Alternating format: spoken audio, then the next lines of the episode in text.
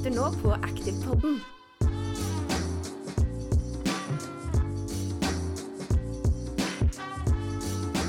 Da er vi endelig i gang med allerede episode to av Aktivpodden. Det har gått uh, fort, Uh, og vi håper på å fortsette å produsere episoder ganske fort. Uh, vi har nå kommet frem til at disse episodene her blir publisert hver mandag rundt klokka sju. Så du som lytter kan eh, få med deg oss på øret fra du går ut av hjemmet til du kommer på jobb. Og hva er vel ikke bedre enn å starte dagen med litt Aktivpodden? Litt over til dagens podkast. Det er jo et annet tema eh, enn forrige gang. Forrige gang var litt sånn generelt eh, og intro i forhold til det med trening og kosthold. Litt hva man kan gjøre i forhold til den delen. I dag blir det litt retta mot PT-yrket, altså personlig treneryrke. Det vi skal prøve å snakke med et par karer som sitter ved siden av meg her, i tillegg til meg selv, som alle tre har jobba som personlige trenere tidligere. Først og fremst så har vi jo med oss eh, selveste Trøndelags store sønn. Mats Hansen er tilbake. Velkommen til deg. Takk. Fin intro. Hvordan er det å sitte tilbake i stolen her? Ja, det er bra. bra. Klar for å snakke om dagens eh, tema. Så bra. Eh, og i tillegg til det så har vi med et eh, nytt ansikt. eh, eller en ny stemme, da, for dere som hører på. Og det her er jo en, en ordentlig innlandsgutt, i likhet med meg selv. Hans navn er Ola Rosenlund, eller Rosensprut, som du pleier å si, Mats. Velkommen til deg, Ola. Jo, takk, takk. Du kan jo eh, ta og fortelle litt eh, hvem du er, og eh, hva du driver med, siden jeg og Mats var jo litt gjennom hva vi drev med i forrige episode. Mm.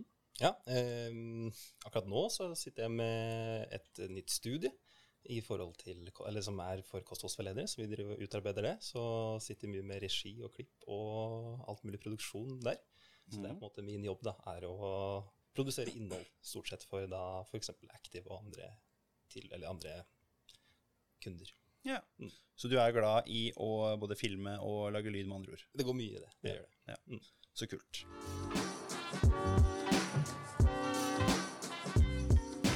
For å kickstarte det her litt, så er det jo eh, snakk om personlig treneryrke. Som vi har nevnt, så er jo vi i Active Education en, en skole som utdanner personlige trenere.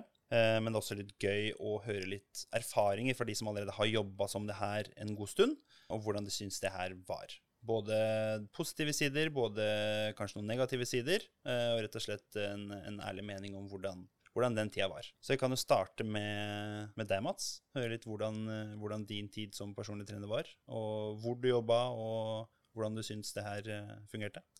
Ja, det kan vi gjøre. Um, Kan jeg ta det helt fra begynnelsen? Mm. Fordi at for ganske lenge siden så var det jo i større grad vanlig å jobbe som treningsveileder. Eller at de hadde treningsveiledere i tillegg til PTA, noe som i større grad har blitt avvikla de senere årene.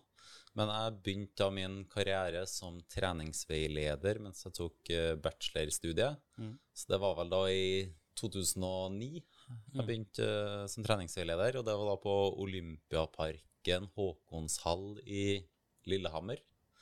Så da jobba jeg noen år der, og så når jeg begynte på masterstudiet, så begynte jeg å jobbe som personlig trener på det som da het eh, Elixia, eh, og det som nå har blitt da Sats. Mm. Eh, så jobba jeg der i Jeg jobba bare ett år som personlig trener. Mm. Uh, før jeg gikk over mer i en sånn konsulentstilling for landslaget i kjelkehockey.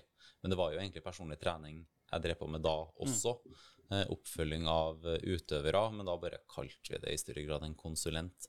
Ja. Så jeg kan jo si at det egentlig er et par år da, eh, hvor jeg jobba som, som PT, i hvert fall. Ja. Jeg også har jo selv jobba i Ja, jeg jobba i Sats, som fortsatt er Sats. Um, det her var fra 2000 og tidlig 2018 til sent 2022, eller igjen. Cirka, tre år jobba jeg i Sats. Jobba på Sats Storo i Oslo. Um, samtidig som jeg, eller rett i etterkant av uh, min bachelor som jeg tok uh, her i Oslo, og samtidig som jeg starta på en master, uh, som jeg også har tatt her i Oslo. Så jeg har også rundt, rundt tre års erfaring, og det er kun da på, på Sats, da, med, med varierte kunder. Men vi kan gå litt mer inn på akkurat det senere. Men du da, Ola? Hva er din erfaring innenfor det, det yrket her? Eh, Ja, jeg begynte jo på en, eh, en eh, ganske lokal treningskjede som heter, eller treningssenter som heter Treningskompaniet i Brumunddal. Der var det Ja, det var egentlig det. Jeg var jo der, jeg brukte all min tid der, så det var jo veldig enkelt å bare sånn ja, Er det en jobb å få her? Og så kjente jo de meg, og så begynte jo, begynte jo der. Mm. Der var det smått med kunder. Altså, jeg gikk jo ikke inn for å jobbe med det akkurat i det hele tatt. Så det var ikke før jeg kom til Oslo og begynte på Sats på Bislett, at jeg virkelig måtte gunne for det og trengte å få inn litt cash og måtte yte litt. Mm. Så ja, ble fire år på Bislett der, og Mhm. så ett år igjen, eller ett år etter deretter på Sats Lillehammer. Mm. Så der eh, holdt jeg ut ett år, og så gikk det over til film og foto på, for alle pengene. Mm. er bra at du sier at du holdt ut ett år. Det høres jo ikke kjempelovende ut, men Nei, altså, jeg- De snakka jo på at det skulle bli både positive og negative greier, så Ja. jeg tar det litt senere. Men nei, det var stor forskjell å gå fra bykjernen her i Oslo til eh, Lillehammer. Mm. Stor forskjell. Mm. Men det er ikke litt fint å få med backstory nå, for du tok jo utdannelsen din hos eh, Active Education. Det gjorde jeg. Mm. Så i 2014 så tok jeg nettstudiet nettstudie her. Mhm. Selvpromotering? Ja. Viktig det. Ja. Nei, det var kult. da. Jeg var jo det en av de Det var jo kanskje første kullet dere hadde, som var eh, nettstudie. Ja, det, det skal ikke jeg si helt for sikkert. Jeg begynte å jobbe her i 2014, Ja. og jeg, tror, jeg ble jo skippa rett eh, til Bali. Eh, Så hva som skjedde i Oslo når det starta opp, det, det skal ikke jeg si helt for sikkert, men det kan godt være. ja. Men i hvert fall så er det da kult å sitte her og jobbe med det nå, og være liksom, ha vært med fra start og sett da utviklinga til nå. Mm. Så det er artig. Ja. Vi var litt inne på, på, på akkurat det med, med positive og negative sider. Da. Sånn, hvis vi skal ta tre positive ting da, Mm. som du sitter skikkelig igjen med, som bare sånn søren, det der savner jeg med å jobbe i, i PT-yrket. Mm. Hva er det du kom på? Det Det må ikke være tre ting, men bare på en måte det du kom på med en gang. Hva er det, hva er det du savner mest med å jobbe som PT? Ah, savn, ja. Den er, den er litt verre, ja. Mm. Det er vanskelig å si at en savner noe når en har det så bra nå. Ja. Men eh, det å kanskje få nye At du møter såpass nye, eller mange nye mennesker, mm. er jo kjempefint. Og på en måte knytte nett, nett, nettverk og bli bare bedre til å snakke med folk og møte mennesker og kunne hjelpe de, da. Det er jo skikkelig nice. Mm. Um, ja, så er det det på en måte som jeg sitter og savner fra Mhm. yrket. Mm. Det jeg kanskje sitter igjen med mest, er jo den der, det med at du jobber på provisjon. At Mhm. du må, må skape din egen eh, inntekt og den driven. Da. Så det er kanskje det jeg har sitter igjen med mest fra PT-yrket. Ja. Mm. Ja. Og du, Mats? Jeg tenker kanskje først og fremst eh, på det at du møter personer som er eller som opplever treningssenteret som en litt sånn skummel arena, og det å gjøre det til en trygg plass for dem å være, hvor de kan eh, mestre trening, de kan eh, lære mer om hvordan de skal trene bedre selv, og se den utviklinga over tid. Det tror jeg nok er det jeg savner mest, at du får den langvarige oppfølginga av eh, personer. Mm. Det savner jeg skikkelig. Ja. Så du blir som en, eh, en stødig pappa, kan du si, da, for de som er litt usikre og kommer inn på et treningssenter. Ja, for du ser jo hvor mye det, det gagner dem på andre arenaer utafor treningssenteret også. Mm. Og det er veldig kult. Du Ja. ser at eh, ja, det er ikke bare det at du kommer i bedre form og sånn, men ja, du hjelper dem til å prestere bedre generelt i livet. Mm. Og det, det er utrolig kult. Ja. Skal vi ikke gå akkurat så mye inn på, på det i dag, men det er jo en, en faktor som er eh, veldig morsom. at Gjør du det bra på treningsfronten, altså om du driver med fysisk aktivitet eller trening, så går det også veldig utover hvordan resten av hverdagen eller resten av livet ditt er også. Mm. Presterer du der, så presterer du ofte bedre, uansett om du driver med en stillesittende jobb eller om du driver med, med idrett. Så det er litt kult. Men eh, jeg selv, hvis jeg skal eh, fortelle en, eh, en ting som jeg spesielt syns er, er hyggelig med det å jobbe som, som BT, er at du jobber jo først og fremst med det du elsker, som er trening. Som er helt fantastisk. Mm. Du, det er det på en måte du våkner opp om morgenen, kanskje du tar deg en, en økt selv, så setter du i gang med å hjelpe andre å trene, og det er på en måte Du får den samme følelsen av å kunne få andre til å nå sitt mål, som at du når ditt eget mål. Det syns jeg er veldig kult. Mm. Og den, den frihet man har. Man, ja, selvfølgelig har man jo noen som skal sørge for at du, du leverer kanskje de timene du, du bør levere i løpet av en måned, men samtidig er du din egen sjef. Og det var ganske fantastisk. fantastisk. Litt ekstra frihet, men samtidig så må du på en måte eh, ha kontroll og struktur nok til å, til å levere det du skal levere. Da. Mm. Og når vi kommer inn på det, så er jo det du nevnte med provisjon, Mm. det er jo, kan jo ses på som noe positivt, og som noe mindre positivt. Absolutt. Um, en ting er jo ja, jo mer du jobber, jo mer vil du tjene, jo mer du står på, jo mer kan du tjene som personlig trener. Mm. Det som eh, ikke er så positivt med det, er jo at hvis det er noe som skjer på privaten, hvis det er noe som skjer med at du f.eks. mister mange kunder pga. flytting, eller at de ønsker å slutte å trene der, eller at de, et eller annet som skjer, Mm. da står du plutselig der, hvis du ikke har en tydelig plan på hva du skal gjøre, da, med henda i lomma og ikke har inntekt nok til å betale husleia f.eks., eller ha mat. Og det er jo abre med det. Ja, det er en utfordring. Det er jo det. Så Men den siste tida har det jo skjedd litt forandringer innenfor det. For nå har det jo kommet, eh, i hvert fall på noen treningskjeder, at du har eh, krav på fast lønn. Ja, i hvert fall at du har en garantilønn. Ja, en, en garantilønn. Ja. Og det er jo en trygghet for mange. mm. Eh, Men ettersom det jeg forstår, så er jo også den garantilønna basert på at hvis du ikke leverer nok PT-timer til å da si dekke den lønna du har hvis du har så og så mye i måneden, så må du kanskje gjøre andre oppgaver, eh, som er å vaske, stå i resepsjon og lignende, som ikke er noe negativt, men da blir du jo også ekstra kanskje tvingt til å levere timer i stedet for å gjøre oppgaver du syns er mindre morsomme, da. Jeg syns det er en fin ordning, for så vidt. For Mm. jeg husker når jeg begynte på SATS, var det jo sånn at vi måtte ha helgevakter hvor Mm. vi skulle vaske. Og det Mm. var jo u- ulønna. Så egentlig bare var sånn du må komme hit, være her i tre timer, vaske, rydde. Den siste tre timene være med på stenginga. Det er sånn, det. Jeg kunne brukt tida mi så mye bedre enn det. Ja. Så da var det, jeg kunne heller prioritert PT-timer, da. Så det Mm. fikk jeg, det fikk jeg til etter hvert. Ja, men det er, det er jo en lærdom i det. Det er jo det. Man må ha litt kjedelige tider for å ha litt morsomme tider. Sånn er det jo for så vidt med alt. Men eh, mens vi er inne på det, da, som uh, kanskje er noen negative sider, eller må ikke være negativt heller, men, uh, men mindre positive sider, da, med det å jobbe som personlig trener, i hvert fall etter deres erfaring. Hva, hva tenker du der, Mats? Ja, det, det jeg sitter igjen med der, er kanskje det at uh, jeg skulle ønske jeg kunne gjort så mye mer, men Mm. du får jo kun betalt for den tida du er sammen med, med kunden. Så nå i etterkant så tenker jeg sånn jeg kunne ha presentert en pakke sånn For at jeg skal gi deg best mulig oppfølging, så krever det at jeg, at jeg legger ned en del tid i planlegging. Og så da høre om det er interessant for kunden, og heller ta deg betalt for å gjøre den planlegginga. Mm. Sånn at eh, det er jo klart at man tar jo litt enkle løsninger når du kun får betalt for den tida du gjennomfører med kunden. Det blir kanskje ikke like mye planlegging. Eh, så, så det er kanskje det jeg syns var litt negativt da, av det. Men det, der finnes det jo muligheter, eh, gjør det jo. Og det tenker jeg det kommer litt an på hvilken struktur eh, senteret eller kjeden eh, kjører, da. Om det er sånn at du kan eh, gå litt utafor eh, pakkestrukturen som de har, og lage egne pakker eller ikke. Mm. Ja, men det er eh, for så vidt helt enig i det, for så vidt. Det, er jo, det har sikkert du merka over at med, med mange kunder etter hverandre, så blir jo tida snau. Og når du først er ferdig, kanskje du er ferdig klokka seks en kveld, åtte en kveld, når treningssenteret stenger, kanskje ni-ti, Mm. da er det kjedelig og hardt å begynne å planlegge trening for neste dag. Det er det. Så ja.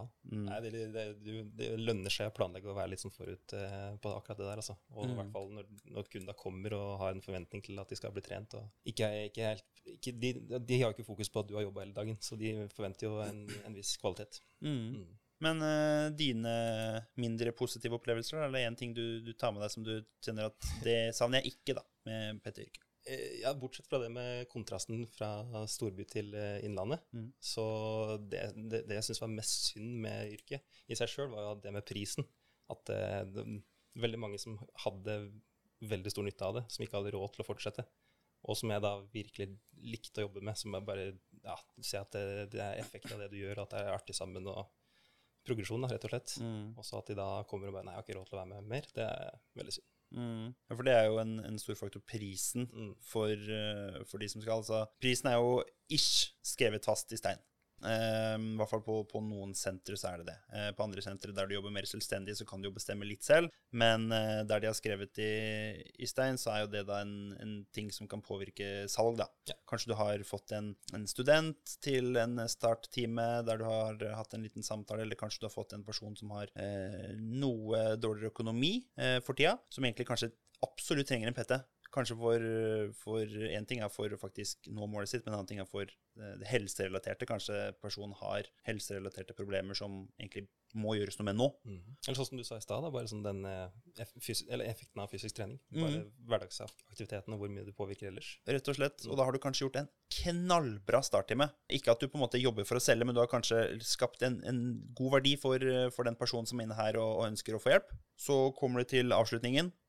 Det blir for dyrt. Ja. Det er nok noe alle som jobber som personlige trenere, Ja.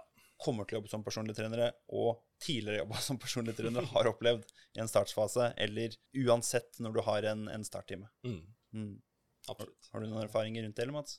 Ja, det er jo klart det at uh, det, er jo, det er jo litt tungt, det. Uh, men da tenker jeg sånn at vi burde ha fått det i større grad å ha PT på resept. Mm. Så vi kan uh, få henvisninger og i større grad hjelpe dem som trenger det. Mm. Mm. Det skulle jeg hatt. Og det er på vei. Så vi bare satser på at det kommer i morgen, for så vidt. Mm. Burde vært der i går, men uh, ja. Uh, men du nevnte litt Ola, i forhold til det med storby kontra Innlandet. Ja. Kan ikke du fortelle litt mer om uh, hva, du, hva du tenkte der? Ja, det, nei, altså jo, på Bislett så var det jo, der var det jo studenter rett ved siden av, og det var jo mange med bra økonomi der som kom innom, og svært, sto, ja, altså, kjempestort senter da, med masse kunder. Så det var jo, kunne jo gå og plukke, rett og slett, og Mm. det var jo, ja, rett og slett eh, åpent, eh, åpen, åpen jakt. Mm. og så kommer du til eh, Lillehammer, og så er det helt noe annet. Der er det ja, det, er altså, Om det er farta i byen eller hva det er, det vet jeg ikke, men uh, merka stor nedgang der, altså. Og det, ja, det, jeg legger jo nå skylda på Eller peker jo utover. Jeg kunne jo gjort veldig mye mer. og merket jo det, altså, det er jo kombinasjonen med at jeg begynte å bli litt mindre glad i yrket når jeg flytta dit, og Mm. alt det andre rundt. Så i kombinasjon med det så var det stor kontrast. Mm. Så den innsatsen som eh, tidligere ga de resultata, den uh, matcha ikke lenger. Ja, det er jo store forskjeller, og det er jo basert på kundebasen. I stor grad. Ja. Og de største treningssentrene eh, har jo en større kundebase. Mm. Eh, og jo, jeg vil ikke kalle det enklere, men jo større potensial har du som personlig trener for å, for å få kunder, i hvert fall. Så det er jo det positive med å jobbe med en storby. Det positive med å jobbe i en, eh, et mindre sted, da. Det vil jo være at du kanskje har et Det er enklere å få et bedre omdømme, Mm. siden ja, ofte så kjenner jo ikke alle alle, men til en viss grad, da. Og da vet jeg at ja, han, han Ola, han er en ordentlig knakende syklekar. kar. Altså, han burde dra til å få litt, eh, få litt trening til, få litt hjelp til. Ja, ja, det var jo sånn det ble på Lillehammer. var jo at det, I nesten to timer nesten hver dag så var det kaffepause hvor de satte fram kjeks og alt mulig. Ikke og det var jo da en stor gjeng da, med eldre folk som kom og satte seg og hygga seg. Ikke Så sant? vi ble godt kjent med de, og det var jo hygge. Men eh, ikke helt det jeg hadde lyst til å bruke tida på. Nei, det er akkurat det. Så det er jo, det er jo en, en skikkelig hyggelig sosial greie. Mm. Mindre gunstig for deg som må ha penger i kassa, Ja, rett og slett. Ja, rett og slett. Men der nevnte du noe litt morsomt, da. Um, I forhold til det med å drikke kaffe. Jeg har jo en, en, en jeg kjenner som jobba som personlig trener tidligere. Han hadde jo en fast PT-time hver fredag klokka tolv eh, med en, en eldre mann. Um, han betalte for PT-timer, og det de gjorde på PT-timen, det var å dra ned på kafé. Drikke kaffe. Spise kake en times tid og kose seg og prate. Det var det han betalte for. Ikke sant? Hver fredag. Ja.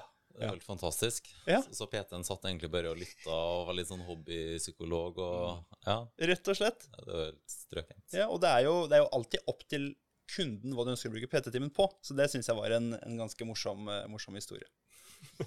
Men Ja, Har du eh, hatt noe i likheten?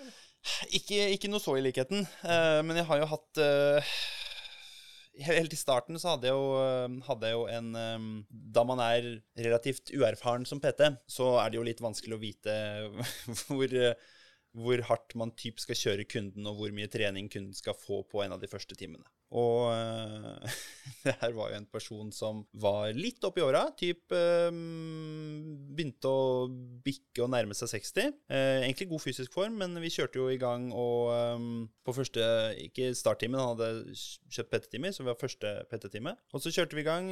Tok eh, kanskje litt for mye i da på den timen. Vi kjørte jo litt eh, helkropp. Eh, neste time, som var uka etter, så fortalte han meg at du, Ole Jørgen, du eh, Tror vi kunne tatt det litt roligere i dag, fordi jeg har eh, Jeg har nå halta, omtrent ikke klart å gått i en uke.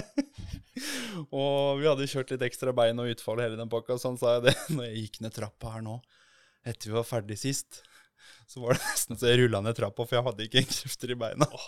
Så han kom seg så vidt hjem. Han bodde i fjerde etasje på et sted uten heis, så han slet med å komme seg hjem. Så det er litt sånn morsomme erfaringer man sitter igjen med da, eh, når man har jobba, og man, man lærer av, selvfølgelig. Men, men det tenker jeg er litt samme som du ser blant mange studenter også. Hvis de tenker sånn, Hva som kjennetegner en god PT-time? Jo, det at du gir jernet. At Ja. du motiverer og sørger for at kunden virkelig får tatt seg ut. Mm. Eh, så ja, jeg jeg har gjort det samme sjøl også. Det var jeg som nesten ikke fikk strekt ut albueleddet sitt.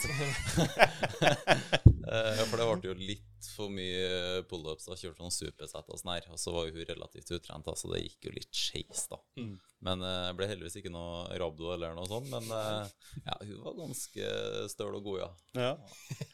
Men Jord, da, har du opplevd noe sånt? Eh, ikke, ikke så fullt så gærent, faktisk. Det har vært, jeg husker at det var, la veldig trykk på det at de første to timene så var det nå skal jeg bli virkelig kjent med kunden, og så egentlig bare Spise kjeks og ja, nesten. drikke kaffe? Ja, nei da, det var ikke så ille. Men det var mye mer sånn bli kjent med bevegelser og hva de egentlig er vant med tidligere. da. Eh, også gi de på andre timen gi de litt mer smak på hva det er å bli pusha. Eh, Si meg, har du gått eh, studiet til Active, eller det hørtes ut som du har lagt opp på en så god måte? ja, kanskje. Kanskje ja. tok noe derfra. Jeg og Ole Jørgen vet vi har bare gått rett på bachelor- og masterstudiet og kan ingenting om det, og bare dundrer på med Ja, prestasjon. ja ikke sant. Nei, for det, nei, men det var Da kommer vi litt på Dette programmet er sponset av Active Education. Nei, for det, det, det, er- jo mange av kundene som kommer på en måte har den forventninga at når du kommer og møter en PT og har PT-time, så skal du kjøre, gi Ja. bånn gass, og det er sånn det skal være. Det, så mm, i hvert fall mange som gikk fra første timen som var sånn Er det her, er det her PT-time egentlig er? Mm. Skal jeg betale for det her? Og så kommer du på andre og får litt mer smak, og så bygger du på, da. Mm. Men heldigvis ikke kjørt noen så hardt i grusen.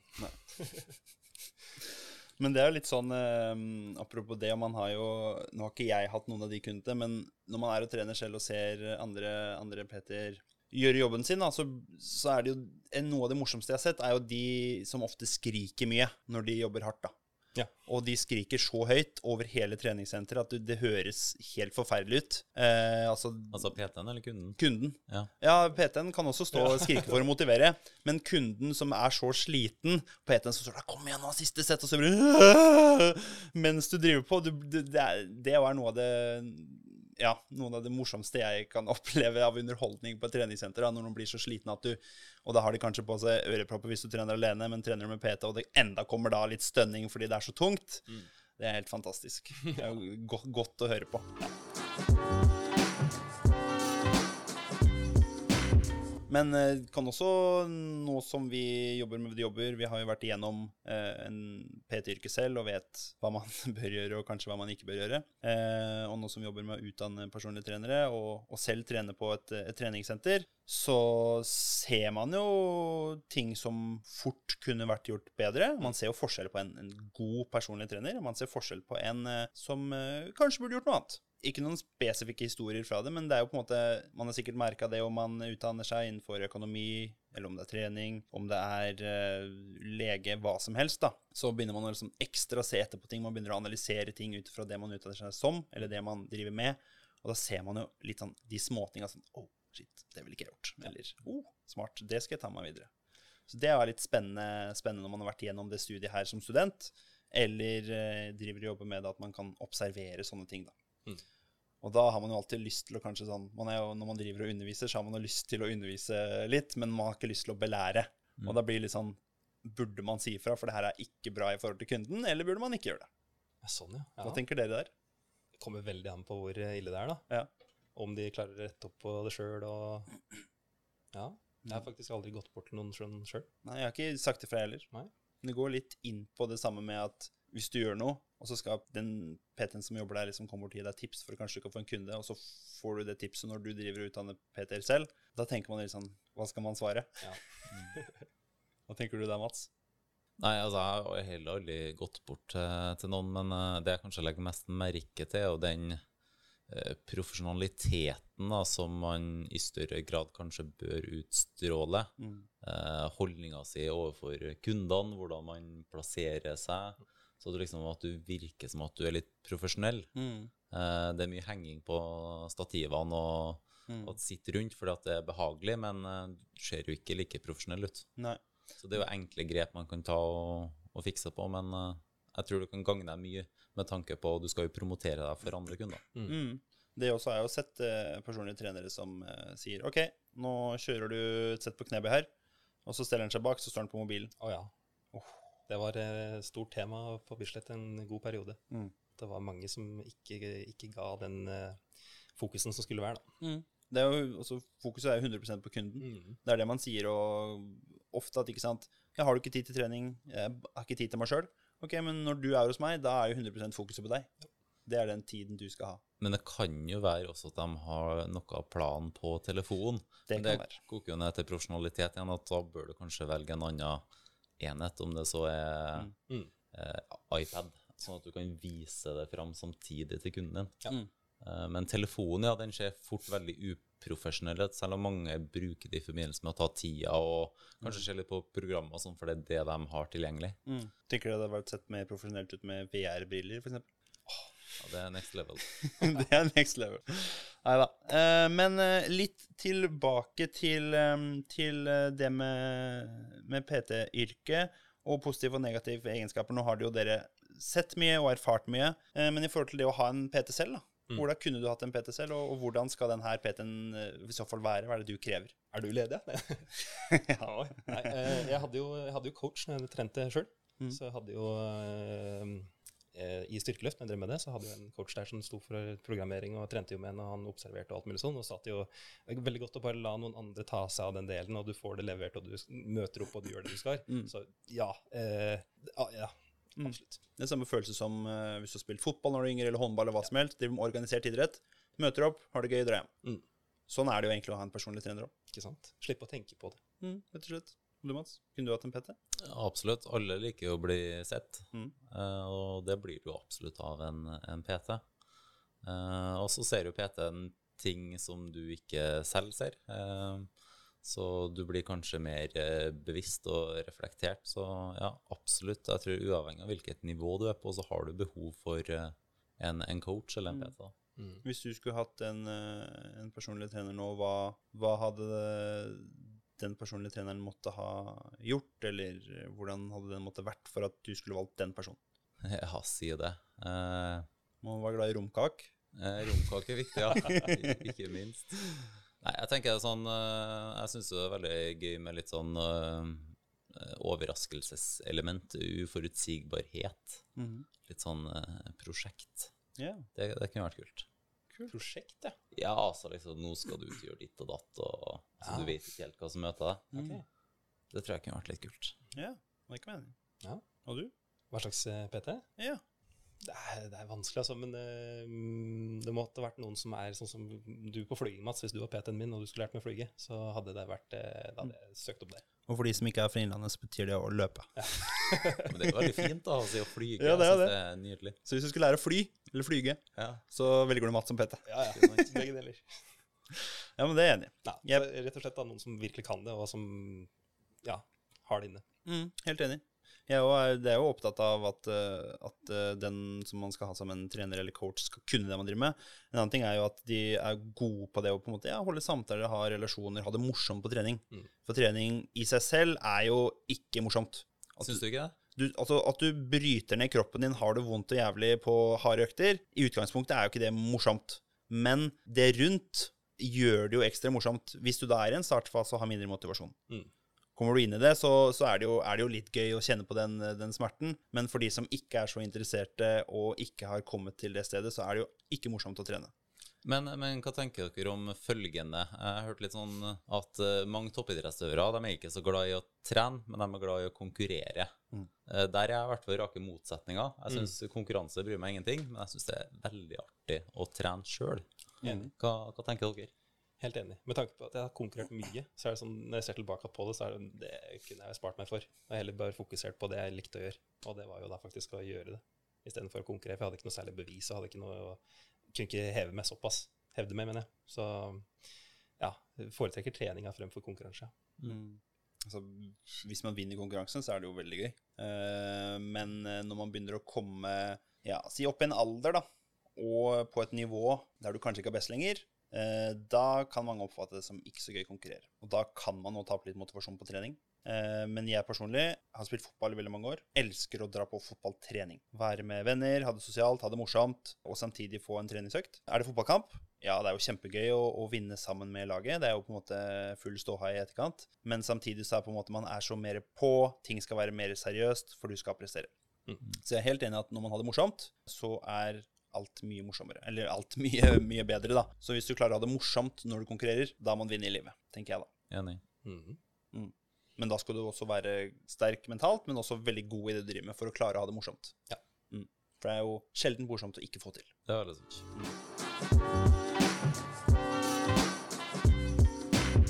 Men jeg har noen sånne små spørsmål her. Jeg har um, googla litt rundt, kommet frem til noen typiske spørsmål som jeg i hvert fall har funnet på, eh, på litt ulike nettsider, som ofte blir spurt til personlige trenere, eller som ofte personlige trenere opplever å få. Så jeg er litt interessert i å høre hva deres tanker er om det her. Vi tar det veldig overordna, vi trenger ikke å gå så kjempedypt i hvert spørsmål. Eh, men kommer du på noe, på noe bra, eller om du har opplevd å fått et spørsmål selv, så er det bare å take it away. Eh, Men første spørsmål kan jo, kan jo du få, Ola.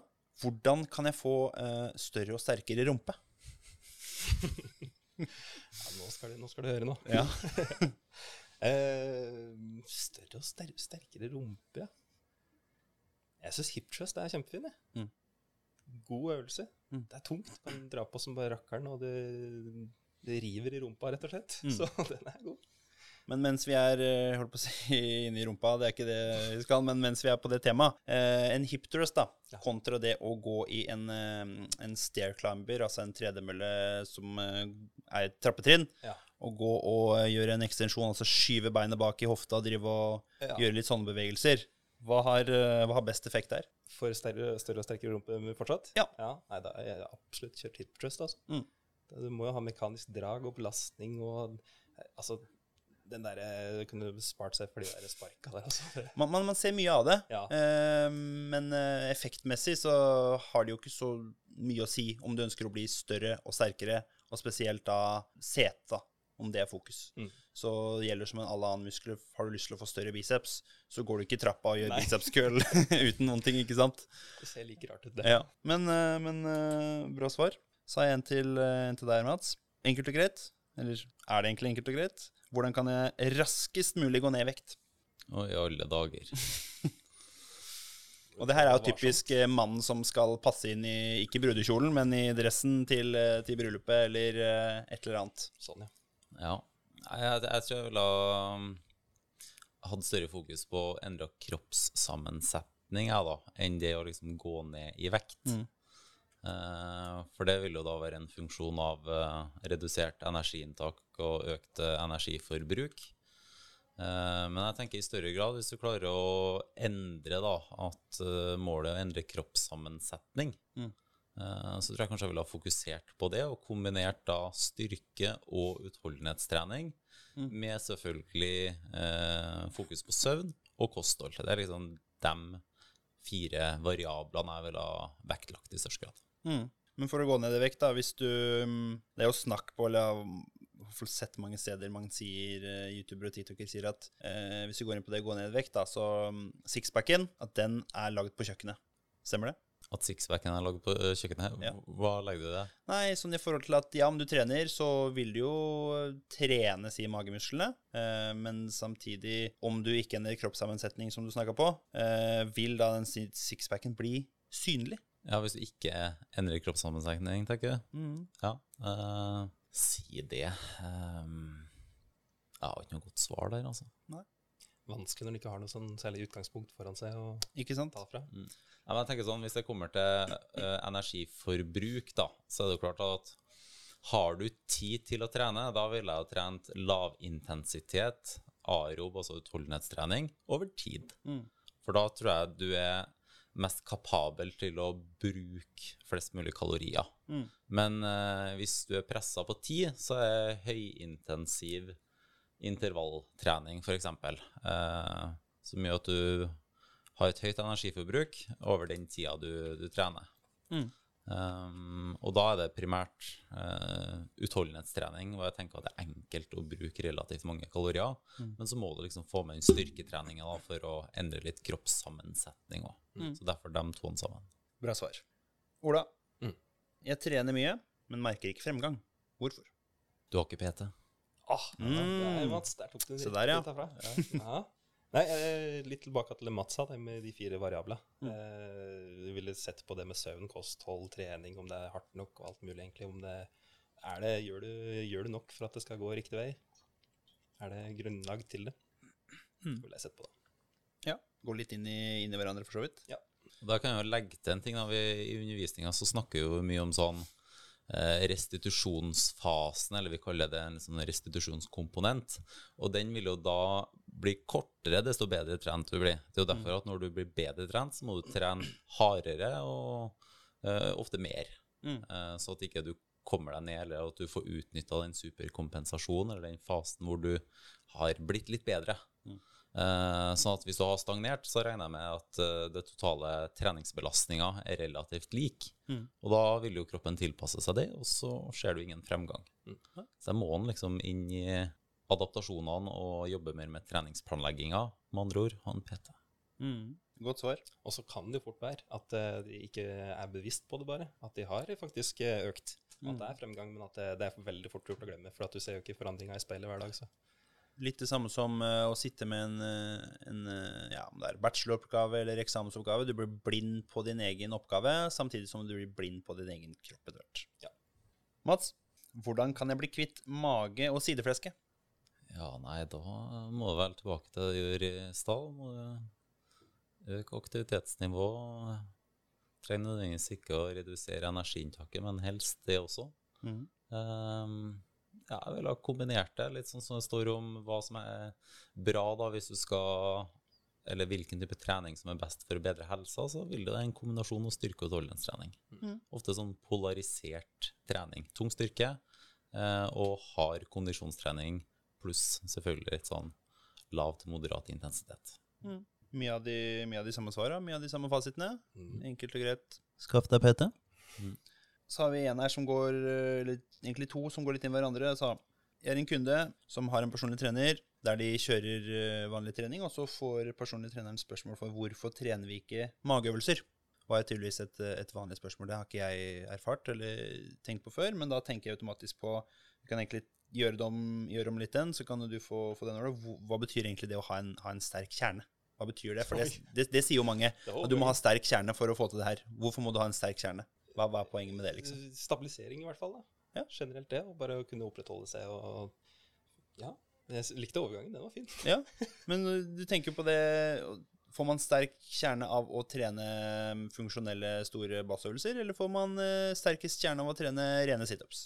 Ja, sånn ja. sånn ja. ja Mm. nei, jeg kunne jo, altså, når jeg hadde PT-teamet sjøl, så kjørte jeg jo aldri spesifikt magetrening. Det, det sa jeg sånn Vi kan gjerne gå gjennom det, og så viser jeg deg hvordan det skal gjøres, og så kan du gjøre det her på egen hånd. For det er ikke noe jeg trenger å monitorere, og det, er sånn, det får du til.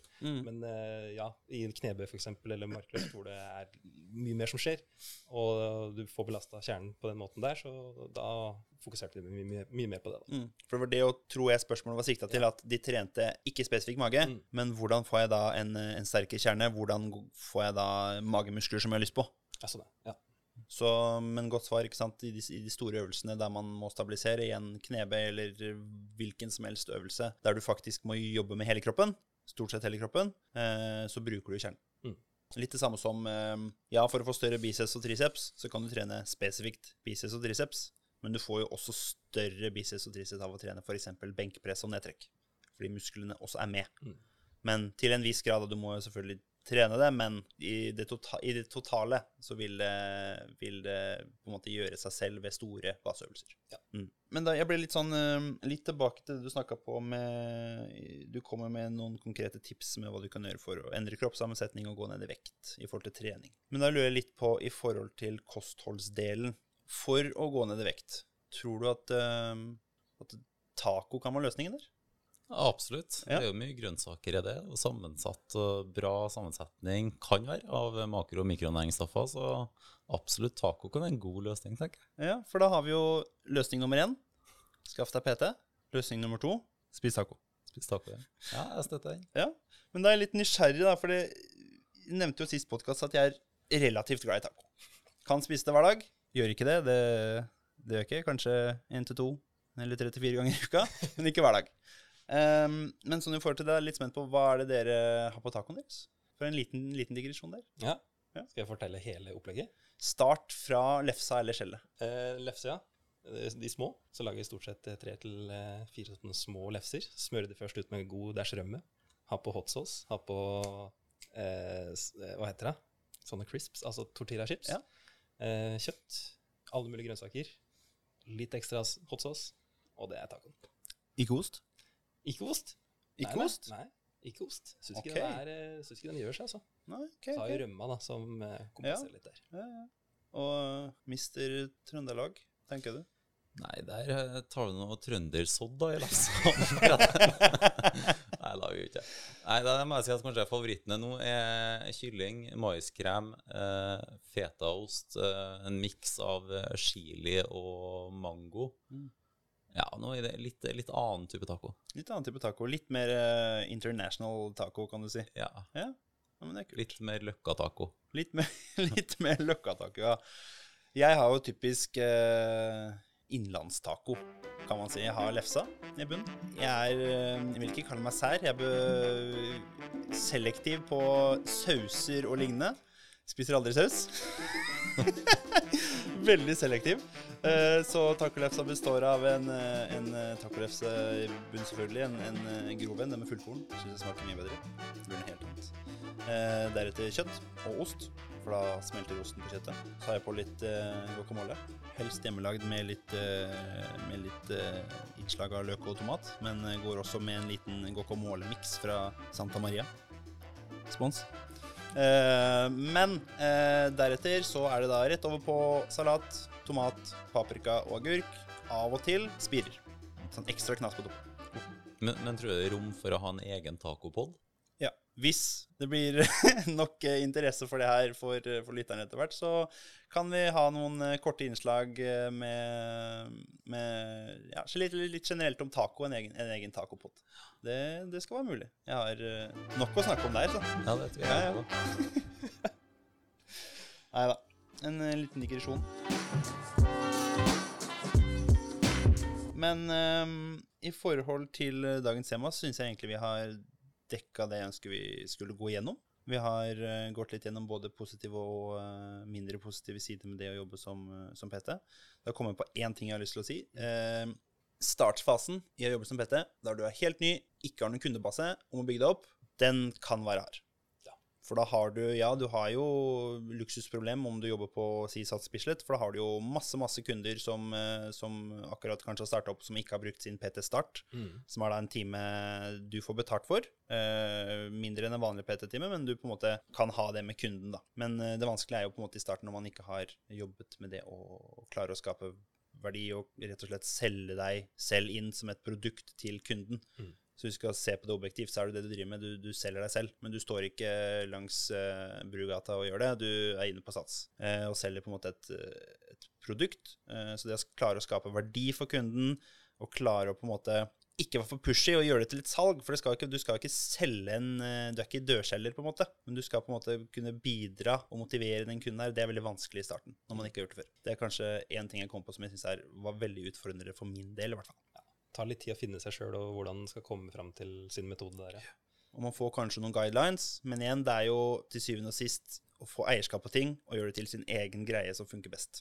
Mats sin måte funker kanskje ikke for meg, og min måte funker kanskje ikke for Ola. Mm. Men sånn er det. Mhm. Eller hvordan syns dere den, den fasen var, den helt i starten? Ja, det utfordrende. Absolutt. Ja. Det var jo det. Så, men ja, som jeg sa, det, det er det at du må bare finne din metode og din vei å gjøre det på. da. Mm. Så så fort jeg liksom løste det, så syns jeg at det virka ikke ut som jeg solgte noe, men at jeg bare ga kunden litt mer kunnskap og åpna opp for en mulighet. Og så fikk de kanskje litt mer lyst på det. Mm. Og da var det nesten ikke noe nødvendig engang å på en måte pushe noe salg. Ja. Da kom og bare Ja, vi skal, vi skal fortsette. Ikke sant? Og når du kommer i den, ikke kall det en rutine, men i den sirkelen, at du på en måte, det, det går, begynner å gå rundt, hjula begynner å gå, da er mye gjort. Og etter hvert da, så sitter du kanskje der da, med kunder eh, nok, eller kanskje for mange kunder egentlig til å faktisk rekke å hale. Mm. Det er jo et luksusproblem. Det er det. Men uh, det er en vei dit fra, fra du er ferdig hos oss, til du, uh, til du kommer ut i jobb. Det er det. Men det er jo noe, noe vi også innforstår alle våre studenter med, at det er ikke, det er ikke kun trening, det er ikke en, en dans på roser. Du må faktisk jobbe for det, sånn som alt annet i livet. Mm. Smaker det ekstra godt. da. Yes. Spesielt med litt taco. Ja. Jepp. Og du, Mats, har du noen eh, erfaringer med startfasen? Sånn spesielt, eller? Ja, nå i etterkant så tenker jeg i hvert fall eh, Jeg skal trekke en litt analogi til tur. Så liksom første du må lære deg, er kart og kompass. Mm. Og det er det du lærer på PT-studiet. Og så er det litt sånn bachelor- og masterstudie. Det er litt sånn at du lærer litt meteorologi, og du lærer litt om faunaen og bergarter og sånn. Men det du trenger først og fremst for å være på tur, det er å lære deg kart og kompass. Mm. Og så får du velge da hvilken sti du skal ta, ut ifra de eh, navigasjonskunnskapene du har tilegna deg. Mm. Så jeg tror en fin plass å starte er med en eh, basic praktisk eh, PT-utdannelse, årsenhet sådan. Og så kan du gjerne kombinere det med kunnskap om eh, bergarter og sånn etter hvert. Ja, Da blir du sabla god. Det var fin analogi enten ender du på, på toppen, toppen av fjellet, på Galdhøpiggen, eller så bærer det rett ned i eh, myra med nøkken. Enten eller. Eller noe midt imellom, da, selvfølgelig. Men eh, alle vil jo på toppen av fjellet. Så start med kart og kompass. Sitat Matt Hansen. Eh, med det så mm, tenker jeg at vi kan begynne å runde av eh, denne episoden her. Jeg håper dere har hatt en, en hyggelig tid. Så vi ses jo igjen straks. Til dere som hører på, så ses vi igjen om en, en ukes tid. Så håper vi dere liker denne episoden her. Sånn som sist så vil jeg takke for min tilstedeværelse. Dere kan jo få takke for deres egen. Takk for, takk for meg. Takk for meg. Yes. Hei då. Liker du det du hører? Husk å abonnere i din podkastspiller. Vi setter stor pris på at du gir oss en rating og deler episoden med en venn.